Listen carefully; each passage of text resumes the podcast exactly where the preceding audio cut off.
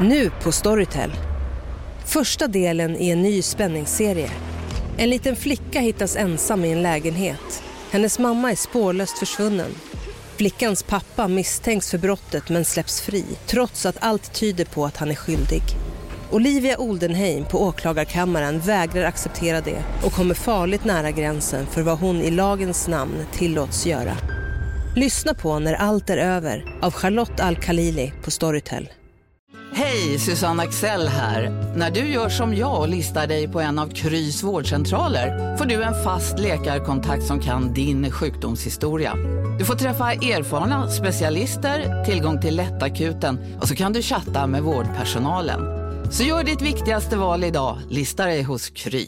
Big Mac har miljarder fans över hela världen. Under mer än 50 år har den skapat popkulturell historia. En legend med 100% nötkött och den mytomspunna såsen. Nu finns Big Mac för bara 39 kronor på McDonalds.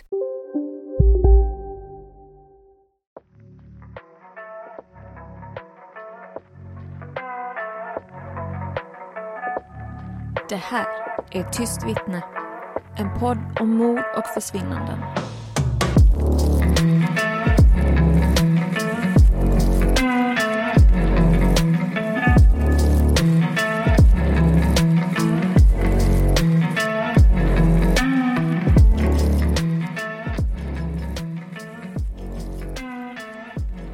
Hej och välkomna till Tyst vittne med Jenny och Alex. Hur är läget där ute?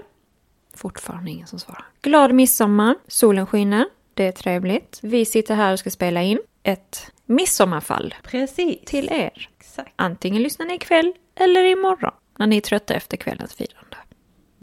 Så idag ska vi ta upp en hemsk händelse som inträffade på midsommarafton 2010. Vi vill ge en liten varning för känsliga lyssnare. Det vi ska berätta om idag är en händelse som var väldigt grov och det kan uppfattas som ja, mycket stötande för vissa personer. Men med det sagt så är dagens eh, fall som vi tänker prata om ganska så komplicerat och det är ganska många människor involverade. Men vi ska försöka reda ut det för er så att ni hänger med. Ja, vi är förtydligade lite då och då så att man inte blir borttappad. Precis. Det är i alla fall tanken. Så vi hoppas att vi inte tappar bort det. Men dagens avsnitt handlar om Ivan. Och Ivan var vid tillfället 30 år gammal. Ivan hade en nära relation till sin familj och särskilt sin syster. Han pratade med sin mamma nästintill varje dag. Det finns inte så mycket information om honom från pålitliga källor, så därför så kommer vi hålla det kort. Och det är det vi kommer att berätta om Ivan här och nu. Vi ska till Helsingborg 2010 och vi ska börja med att prata om Johan. En man som vid tillfället var 27 år. Johan hade ett missbruk bakom sig och en del småkriminalitet. Vid tiden var han inskriven på Västkustfamiljen som var ett behandlingshem för missbrukare med inriktning på dykning och hockey. Västkustfamiljen blev av med sin licens och gick sedan i konkurs någon gång efter 2010. När det kom fram att ägaren hade haft kontakt med en kriminell gruppering. Däremot är de här uppgifterna från eh, Wikipedia och ja, de kanske ska tas med en nypa salt. Det här är ingenting vi vet säkert. Men det vi vet är att behandlingshemmet fick en del kritik. 2007 så inträffade ett hemskt mord i västkustfamiljens lokaler i Marstrand, alltså det här behandlingshemmet i Marstrand. En ung man vid namn Leonard mördades brutalt på natten genom att han knivhöggs flera gånger av en annan intagen på behandlingshemmet. Och flera fel av behandlingshemmet ska ha lyfts som ett problem den här kvällen. Däremot så fanns ju västkustfamiljen kvar efter den här händelsen och det var bara senare efter 2010 som man faktiskt gick i konkurs. Johan kom till Helsingborg i april 2010 där han fått arbete på ett dykcenter. Johan var utbildad dykinstruktör och han fick jobb på det här dykcentret i Helsingborg genom en bekant som tidigare varit föreståndare på ett behandlingshem som han var inskriven på. Och nu drev hon då det här dykcentret. Och hans arbetsuppgifter var att ta hand om butiken och assistera vid dykkurser. Skulle han då hålla sig ren och allt skulle gå bra så diskuterade de möjligheten för att Johan skulle få chans att hålla egna dykkurser. Johan hyrde en lägenhet i andra hand. Och eftersom han nyligen kommit till Helsingborg så kände han bara en person där. Han spenderade dagarna med att träna på gym flera gånger om dagen och han ansåg sig själv vara vältränad. Johan skulle däremot träffa en ny person den midsommaraftonen 2010. En person vid namn Andres.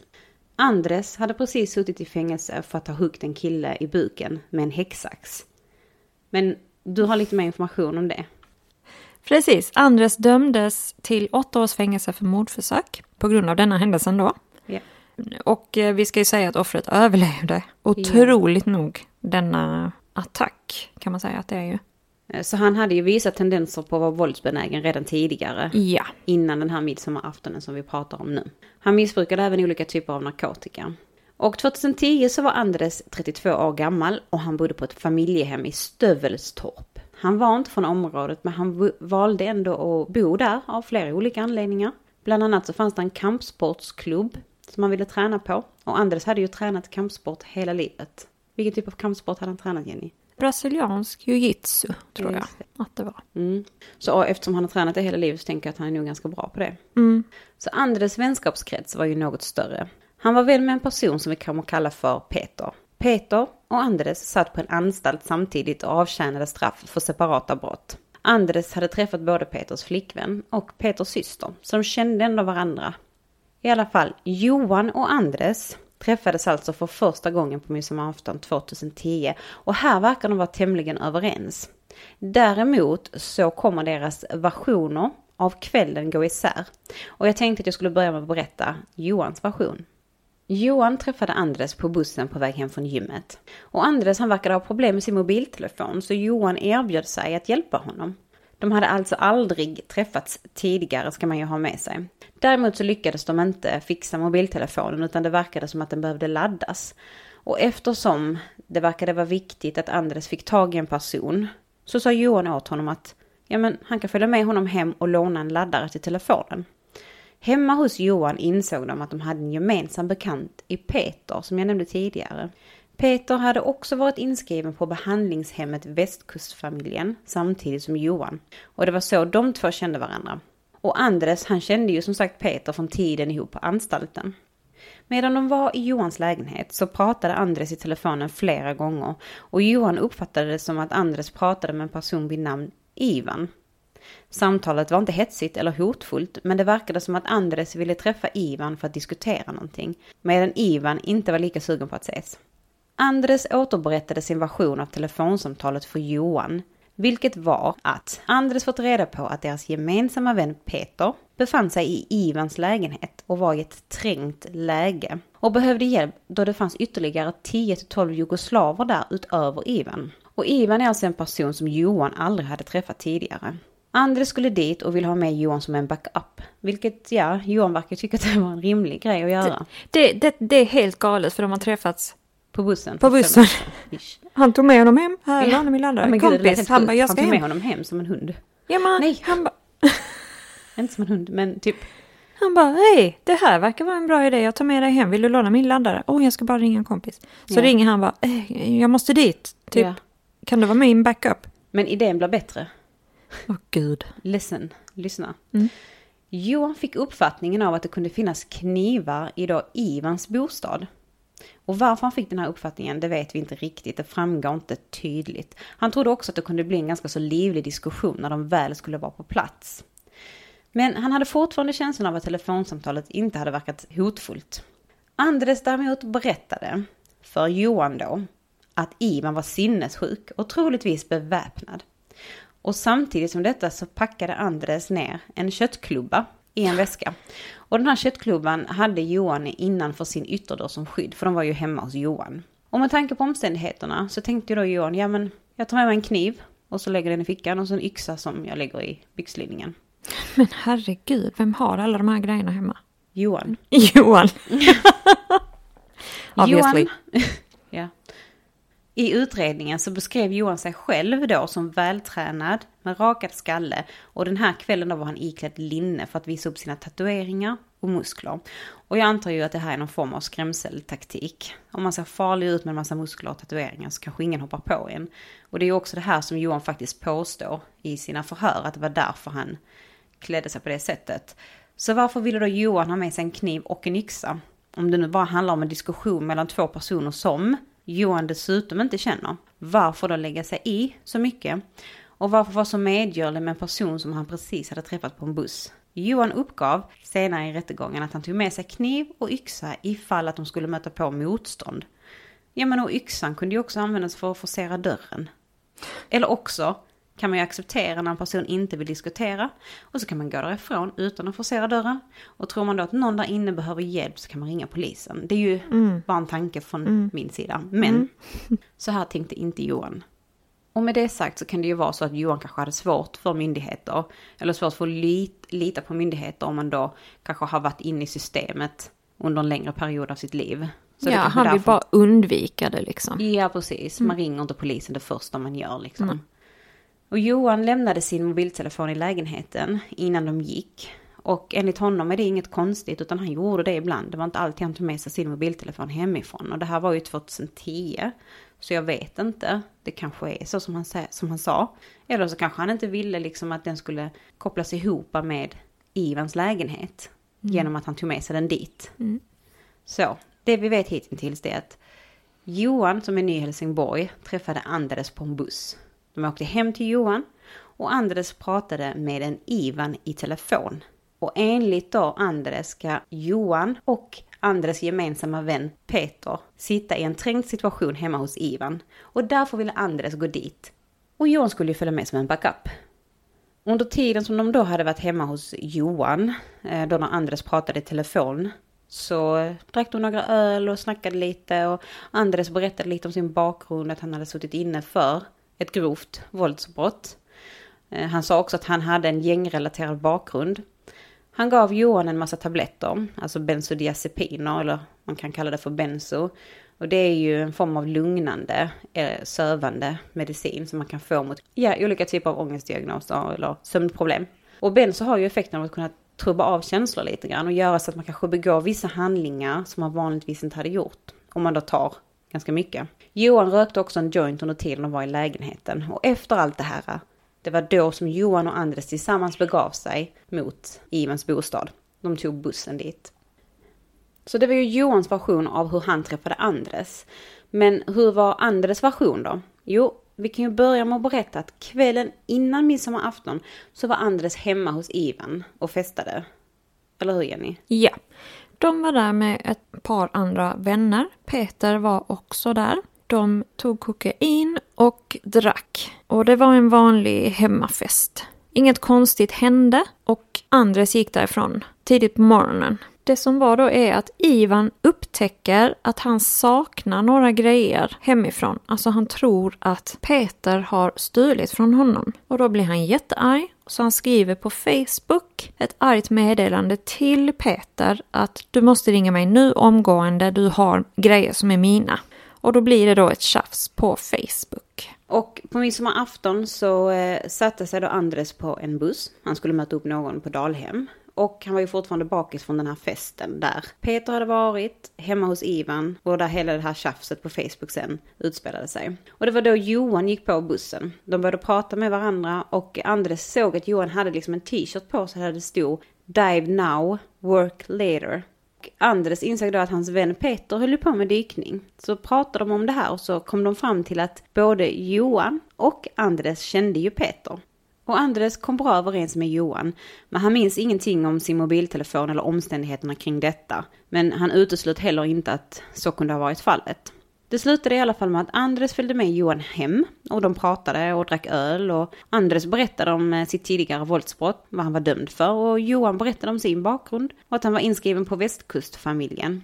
Andres tog också en del bensodiazepiner, de vi nämnde tidigare, de här tabletterna. Eh, och det är någonting som han då fick utskrivet för sin panikångest, men han tog ju såklart mycket mer än vad han borde enligt ordination. Och om Johan tog några tabletter, det, det vet inte Andres, det minns inte han. När Anders var hemma hos Johan så ringde både Peters flickvän och Peters syster och frågade efter honom och det verkade som att de eh, var oroliga för Peter.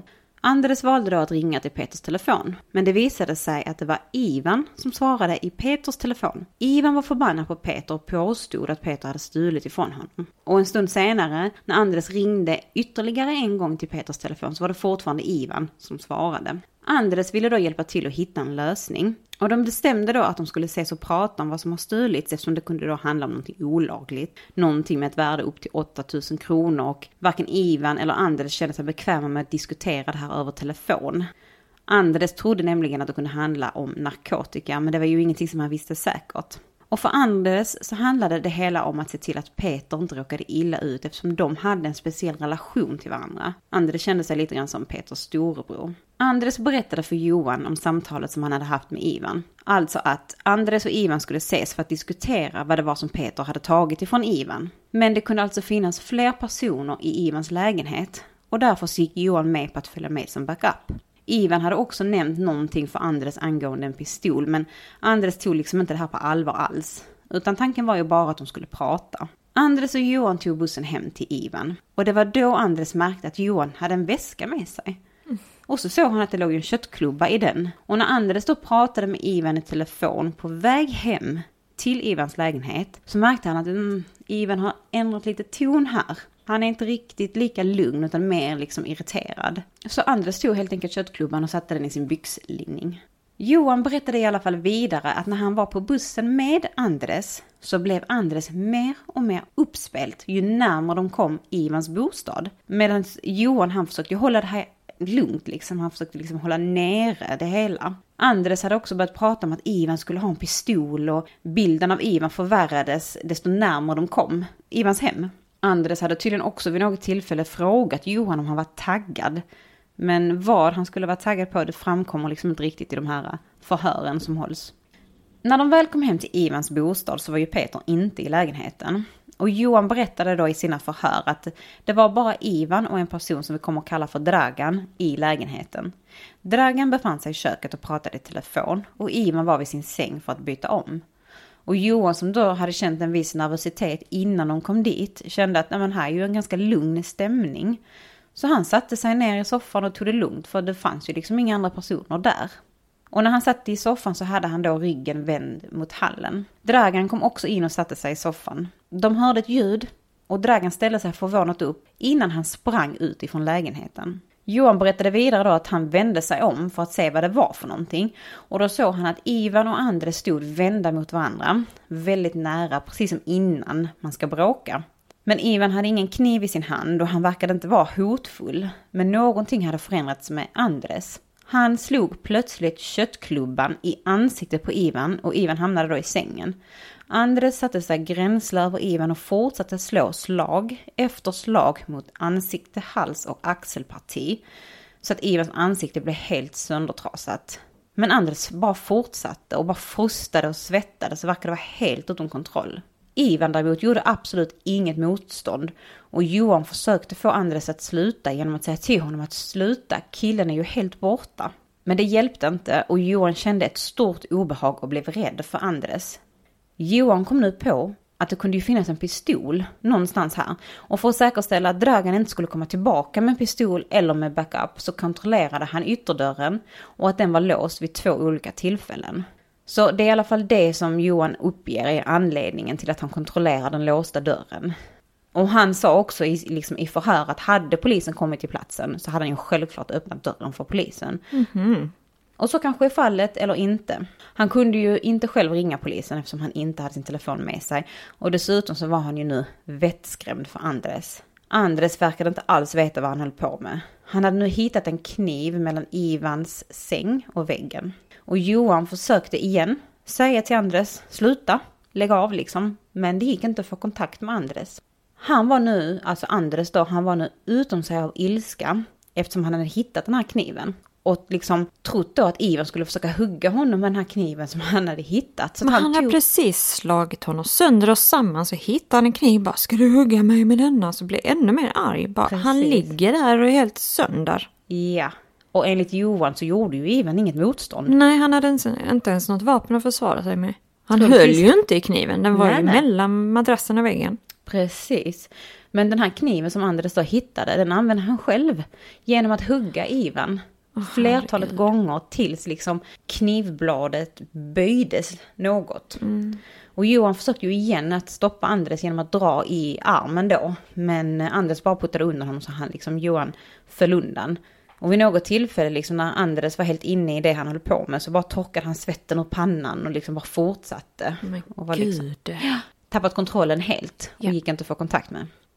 Enligt Johan då, så när Andres var helt slut och svettig med blod överallt så satt han på sängen. Och då frågade Andres Johan, ska inte du göra någonting? Och Johan då som var vettskrämd, han tog ju kniven. Och sen så låtsas högg han två gånger mot Ivans kropp. Mm. Så att det skulle se ut som att han högg Ivan.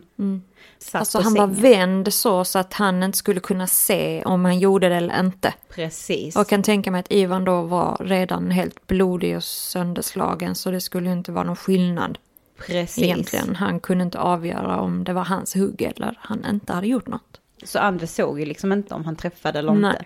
Men enligt Johan då så högg han ju aldrig Ivan utan Nej. det var bara ett sätt för att visa Andres att, att vet, Johan ville inte bara vara ett vittne för då fanns ju risken att Andres skulle se honom som ett hot. Ja, Men om han då var med i brottet då var han ju också en medgärningsman Ja. på något vis. Så det var väl det som var tanken. Och vi fortsätter med Johans version av det hela. Så nu har alltså Ivan hamnat på golvet. Och hur han hamnade här, det vet, det, det vet inte, Johan minns inte det. Men Anders försökte bryta Ivans båda armar. Och sen så tog han tag i Ivans byxlinning. Och så sa han att han skulle klippa av honom manslemmen. Ja, det är liksom, det är som man benämner det i domen. Ja, och för er då som ändå är lite osäkra så ska jag vara tydlig. Han snackade alltså helt enkelt om att klippa av Ivans penis. Nu höll alltså Andres en sax i ena handen och han hade plockat fram Ivans manslem, alltså penis, och höll den i andra handen. Men här så kände Johan att han kunde inte titta längre. nej. Utan han liksom, han tittade bort. Han hörde sedan Andres säga att du ska ha den i munnen din jävel. Och när han tittade då så kunde han se att Andres var i höjd med Ivans huvud. Men han kunde liksom inte se vad Andres gjorde. Och efter det här så tog Andres Ivan och vände på honom så att han låg på mage. Och Ivan hade då byxorna neddragna till alltså halva baken då. Och då tog Andres en syl och förde den mot eh, Ivans ändtarmsöppning. Där han forcerade in sylen med hjälp av sin handflata, alltså de är ganska grovt våld. Ja, det här är jättejobbigt. Det, alltså detta är så sjukt. Ja, jag vet. Så hemskt!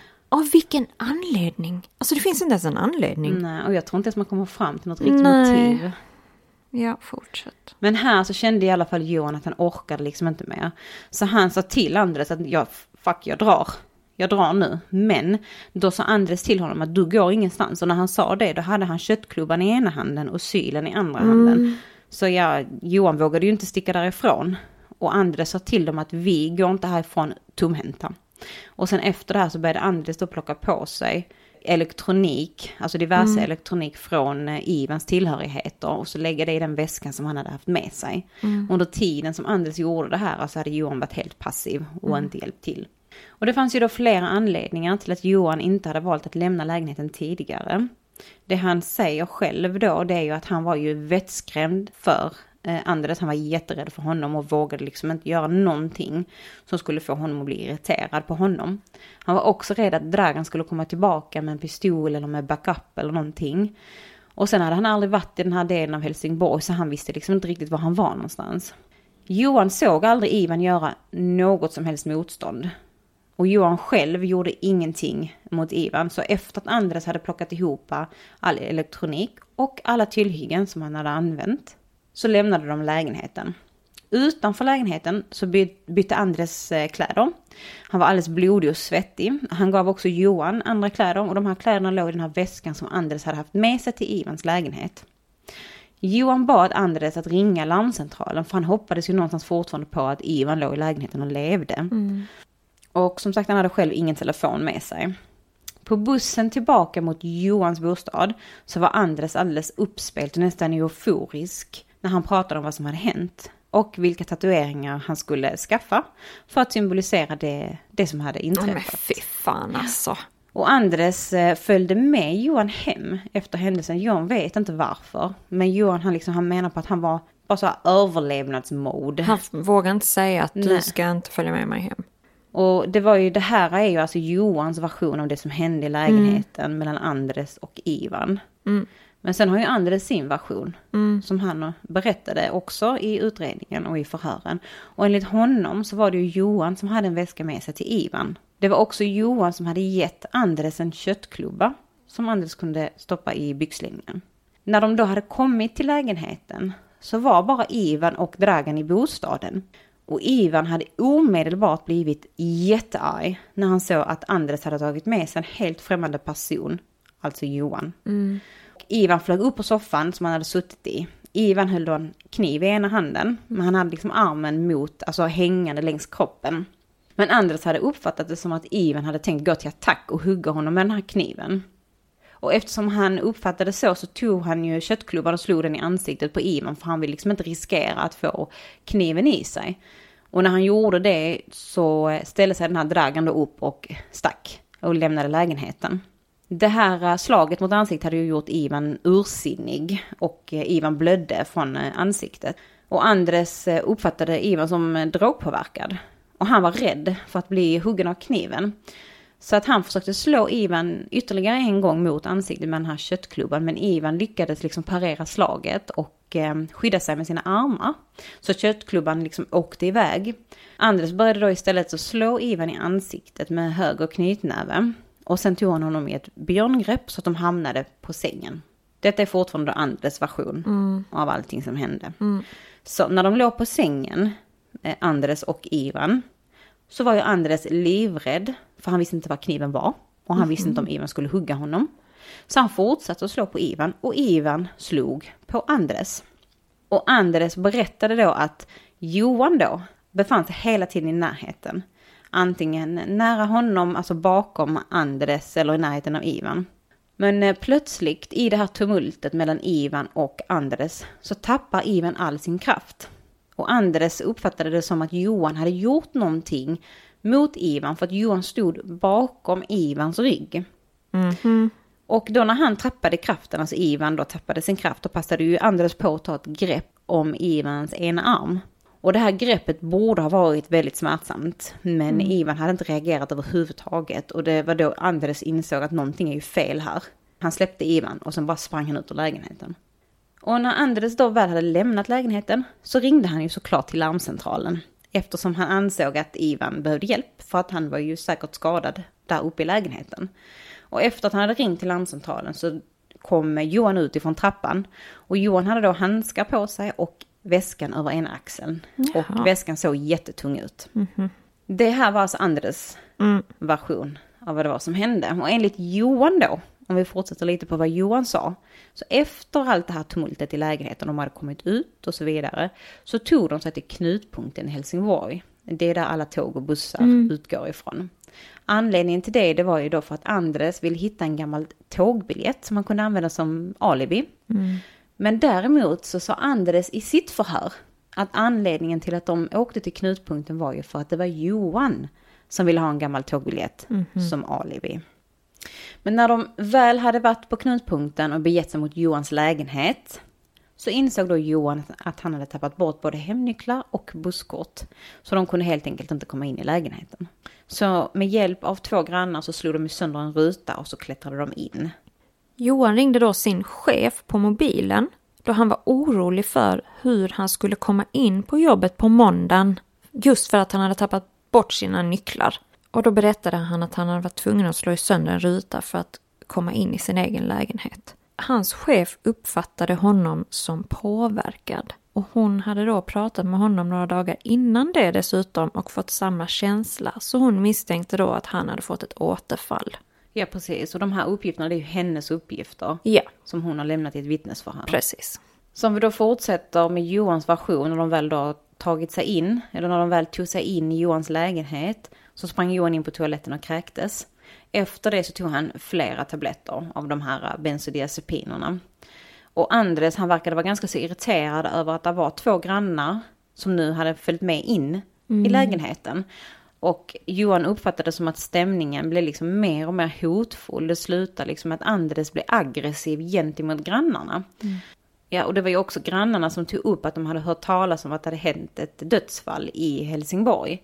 Och de läste om det i Aftonbladet och det var då Johan faktiskt insåg att Ivan hade dött. Han hade inte klarat sig med de här skadorna. Och fortsatt då enligt Johan så var det ju Andres som ville ut och festa på nattklubb samma kväll. Va? Ja, och Johan följde ju med.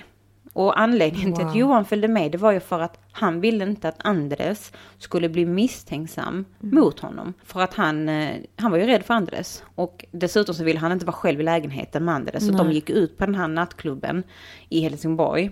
Och dagen efter så krävde Anders att Johan skulle tvätta alla deras kläder, diska köttklubban och sylen och också att Johan skulle göra sig av med köttklubban och sylen, alltså kasta den någonstans. Mm. Anders ville också köpa tändvätska för att bränna kläderna och skorna som de hade haft på sig hemma hos Ivan. Johan då gjorde som han blev tillsagd. Han brände sakerna i sin trädgård. Och sen ville Anders dessutom att Johan skulle hugga honom med en kniv i hans ben. Och det var ju då för att Johan senare skulle kunna säga till polisen att Ivan knivhögg Anders först. Och då var ju Johan tvungen att försvara Anders genom att slå Ivan i ansiktet med mm. den här köttklubban. Så i, i princip att Johan då skulle ta på sig det här med köttklubb. Mm. Johans version såklart. Eh, på söndag förmiddag så ringde Anders flickvän till honom.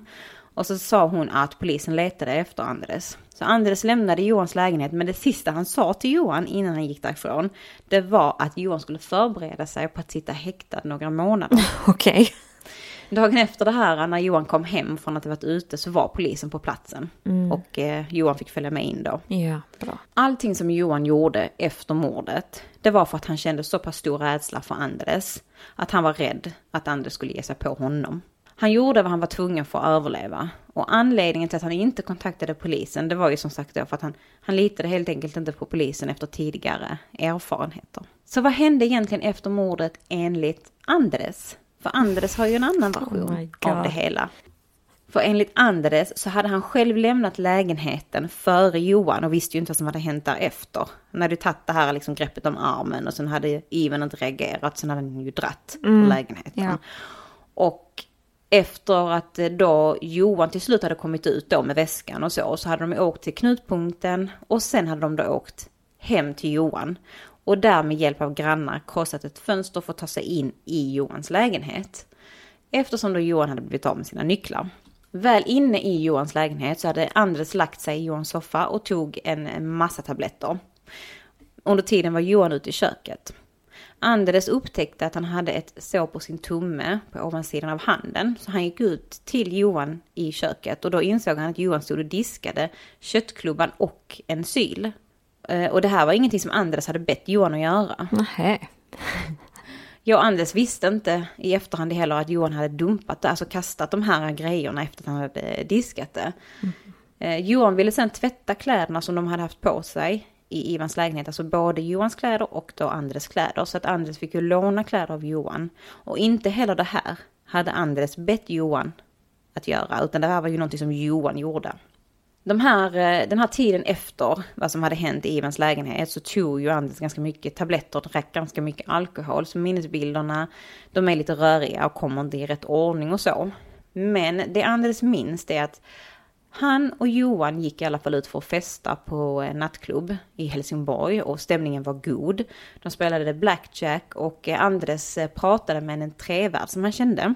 Han kan ju ha nämnt för den här trevärden vad Johan hade gjort mot Ivan, men han minns inte riktigt. Efter den här festnatten så sov Andres över hos Johan och dagen efter, det var då Andres läste en artikel om en person som hade blivit mördad eller dött då i Helsingborg. Och det var då Andres förstod att shit, Ivan eh, dog. Han enligt honom. Enligt honom. Mm. Det här är ju Andres version. Mm, precis. Så att egentligen så säger de emot varandra. Såklart. Alltså Johan säger att så här var det och sen så säger Yeah. Andres att så var det inte alls och jag har inte bett om detta och Precis. han gjorde det. Och det får vi ju se som vad bevisen säger ju, för mm. det är ju mm. det som avgör det hela. Och Anders uppger också vid något tillfälle liksom att det fanns, alltså Johans grannar har varit inne liksom i Johans lägenhet med dem. Han, liksom, han minns inte var, när och hur och så här.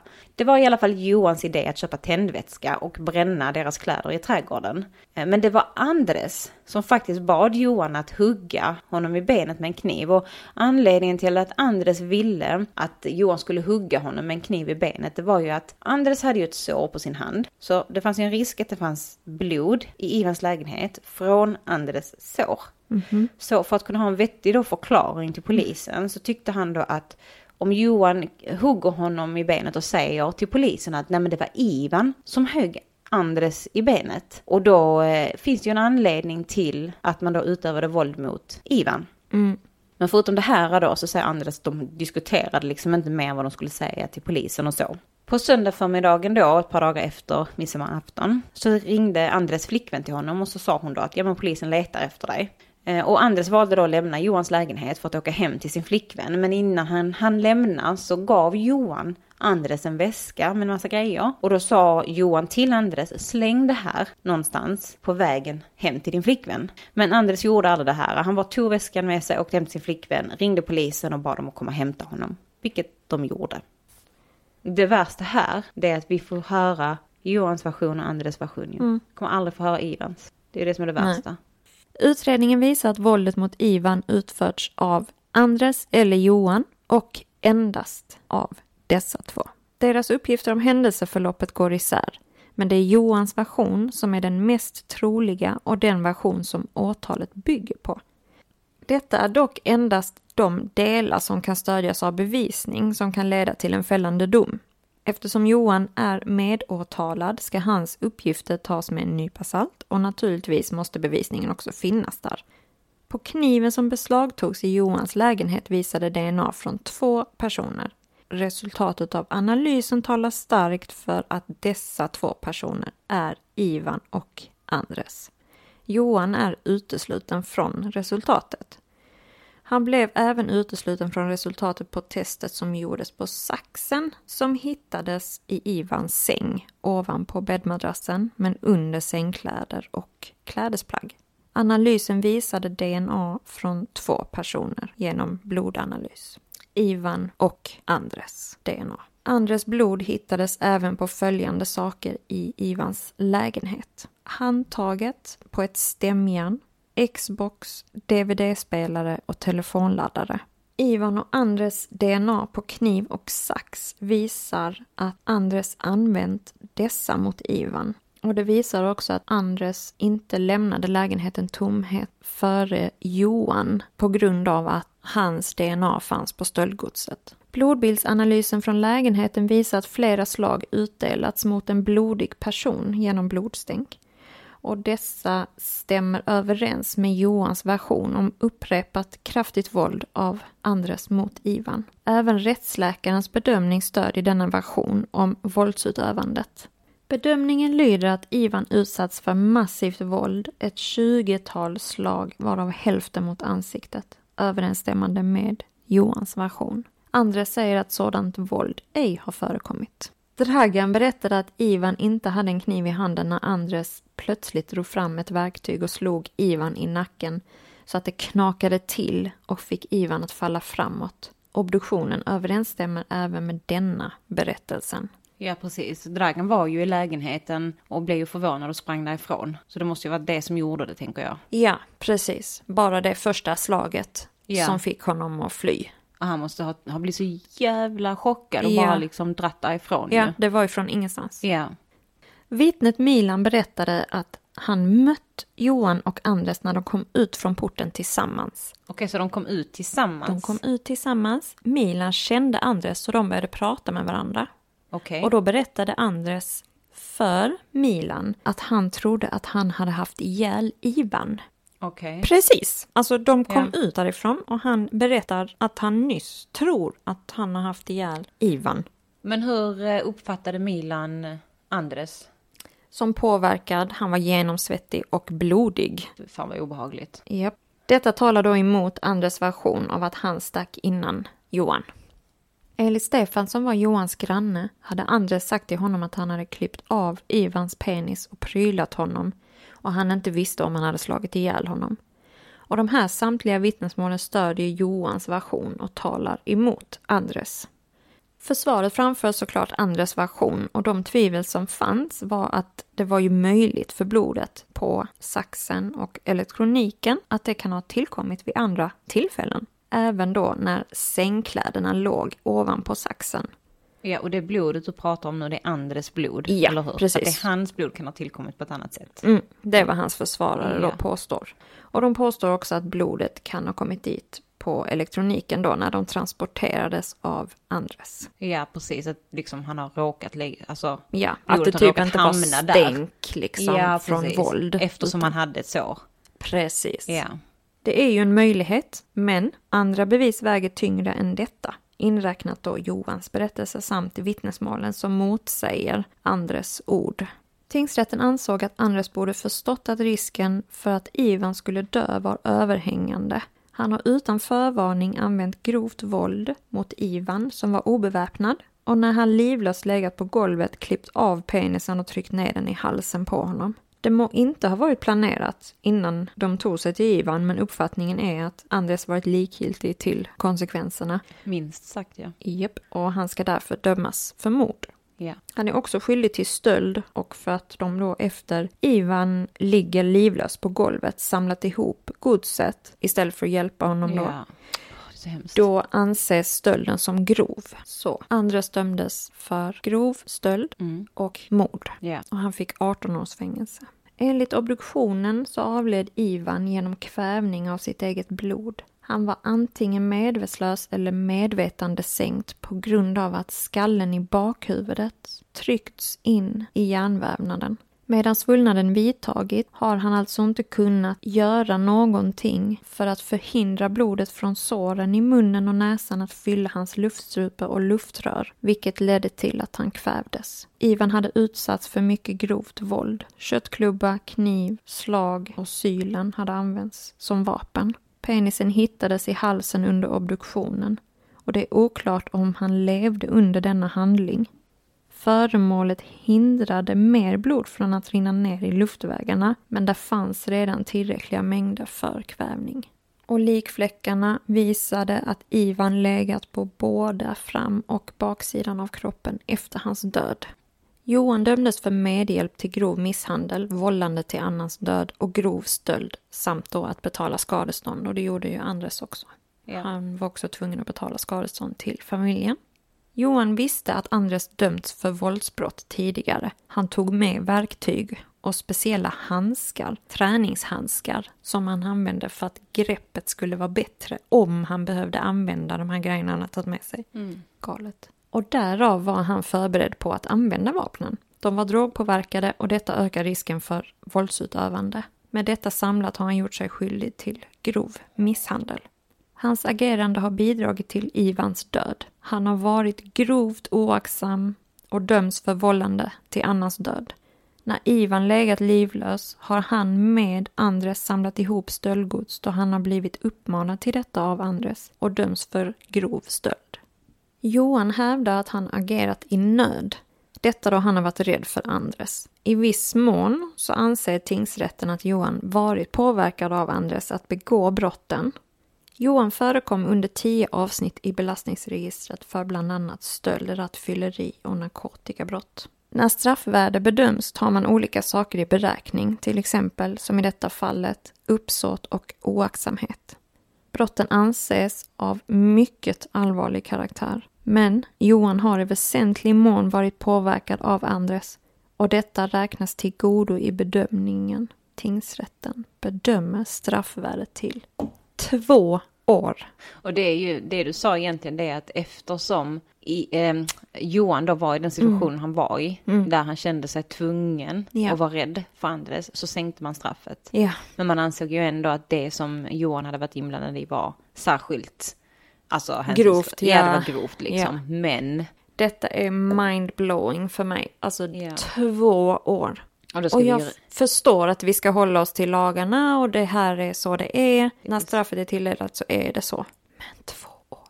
ja och du sitter ju två Tredjedelar. Alltså två år är ju en ganska kort tid. Mm. För att jag tycker ju ändå att den här händelsen är, alltså den är ju utanför, jag kan inte säga utanför det normala, för det är inte normalt att döda eller tortera någon. Men den är ju så grov och så hänsynslös och han hade så många tillfällen att ta sig från Ivans lägenhet, att kalla på hjälp, Ja. att leta upp någon annans telefon, typ Ja. Ivans telefon, Peters telefon. Spring till en granne. Alltså, spring in till en granne. Han valde att inte göra något av detta för att han var Mm. så rädd för Anders. Och jag fattar att han var rädd för Anders, Ja. Mm. för han var ett fucking monster. Men still, du vet, alltså då får du också ta konsekvenserna för att du liksom väljer Mm. att bara, eller, eller jag kan ha fel. Jag kan ha fel, vad vet jag? Jag har inte varit i en sån situation.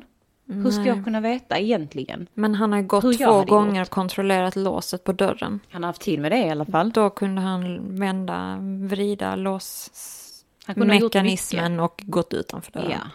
Och sen kan jag ju tycka också liksom att ge Anders ett tidsbestämt straff efter ett sånt tortyrmord. Mm. Alltså, jag tycker att han borde ha fått livstid. Mm. Men det var tydligen ingenting som var standard på den tiden. Nej. Alltså, den tiden, det är ju inte så länge sedan, men det är väl kanske vanligare idag att man ger ett, att man skulle ge. Ja, Att, för att eh, hade han gjort det, det känns som att om det var planerat så hade han fått Ja. livstid. Och det- jag fattar att de, alltså typ, de anser inte att det här var planerat att han skulle Nej. dö. Nej. Men du gick dit med yxa, kniv, spyd, Köttklubba. köttklubba. Mm. What, liksom, vad var pla- alltså, vad tro, hur mycket våld tror man att en person kan överleva? Ja. Det kändes för mig, i hela upprinnelsen fick jag känslan av att, i, av att Andres var ute efter att döda Iv. Alltså, ja, han var hade med sig ombyte. honom. De bytte ju om. Ja, och han, Han var tog ju, med sig Han hade med sig kläder. kläder. Ja, ja. Och han var ju stolt över vad han ja, hade han ville gjort. tatuera in i Ja. in honor Det här of var this ju någon- event. Det var, här var ju någonting som han ville, för det är, Ja. den alltså det är den världen han lever i. Men för det honom- första, vem fan anfaller någon med en häcksax från första början? Ja, Som han hade varit dömd för tidigare. Ja. Galet. Men eh, om han nu har skött sig, Vem? Andres, Ja. så kommer han ut snart. När Ja. som helst. Ja. Denna månaden till och med, om det är så att han har skött sig. Han häktades denna månaden för 12 år sedan. Ja. Och 12 år är två tredjedelar av 18. Mm. Är det inte så? ja. Mm. Har vi fel så I'm sorry. Ja, vi kan... Vi sitter här nu och, och räknar lite själva, men det är så liksom Ja. vi tänker. Men sen innebär det ju inte att han kommer ut den här månaden. Det kan ju Nej. liksom fortfarande vara att det är senare ju. Även om vi hade haft information om honom eller Johan nu i efterhand så hade vi inte sagt det här. Nej. Ja. Men det är galet för att jag tycker absolut att detta skulle gett livstid. Definitivt. Absolut. Fruktansvärt. Ja, det är fruktansvärt. Innan vi slutar, för vi har pratat om Johan och, och eh, om Andres och Johan och Andres. Men det är ju faktiskt Ivan Ja. som är den viktiga individen här. Mm. Det som hände Ivan var fruktansvärt fel. Han förtjänar inte detta alls överhuvudtaget och det gör ingen. Nej. Nej. Jag kan inte ens föreställa mig hur Nej. jobbigt det här måste vara för hans familj. Ja. Så våra tankar går till hans familj. Ja. Någonting som vi inte har sagt, det är ju att Andres faktiskt har läst både psykologi A och socialpsykologi A. Och att han har föredragit på gymnasieskolor under 2009. Jag bara säger det. Våra tankar går till Ivans familj. Punkt slut. Ja. Och det här var säsongsavslutningen. Det här var Ja. sista avsnittet. För den här säsong nummer ett med Tyst vittne. Whoop, whoop. Det är podd. Mm. Yes. In på våra sociala medier, Instagram och Facebook, Tyst vittne the podd. Lämna gärna fem stjärnor där ni lyssnar på podden eftersom vi är bra. Eller hur Jenny? Jag vågar inte säga någonting annat. Det är vi. Yes. Alex vill gärna säga snälla kan ni om ni tycker vi är bra. Nej, nu gör vi så här. Ni går in på våra sociala medier, tryck följ, typ lite notiser om ni vill det, så lämnar ni en femstjärna så blir vi skitglada. yes. Och en recension, för fan vi kan bli bättre kanske till nästa säsong. Exakt. Och det kommer snart en säsong till. Ja, vi, Vi kommer ta en inte liten paus. Kort paus. Breather. Mm. Yes, vi är snart tillbaka. Så älskade lyssnare, tack för den här säsongen, tack för att ni har följt oss och tack för alla, Alla lyssningar från Ja. världen över. Vi har ju en karta där vi ser Vi var ni lyssnar någonstans och det Ja. är så roligt att följa. Så tack till er som är utanför Sveriges gränser som lyssnar på oss. Yes, we love you all. We love you. Okej, ta hand om er. Toodles. Toodles! Bye. Bye. Motherfuck to you! Motherfuck to you! Jag trodde jag hade stängt av. Okej. Fan, jag sitter helt... Alex är skitsmidig. Som ni hör har hon världens högsta ringsignal. Och nu ska hon trassla ur sig alla sladdar här för att gå och inte svara och stänga av ljudet på sin mobil. Hon svarade. Och grannarna tog ju även upp att man, de hade... Ma! Blir du också andfådd? Ja, Det är därför jag gör så. ja Jag varför jag tittar bort. Ja. Så att det inte blir, precis, så det inte blir sådana djupa, sådana såna äckliga telefonsamtalsandningar som man fick när Ja, man var tio. När någon bara ringde och bara andades i luren och man bara okej.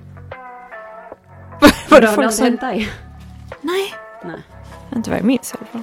Det Det was not important, I don't var remember.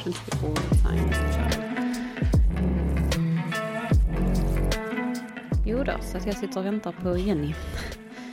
Hon eh, ska smörja in sin döva gubbjävels rygg med solkräm. Så att vi kan börja spela in någon gång.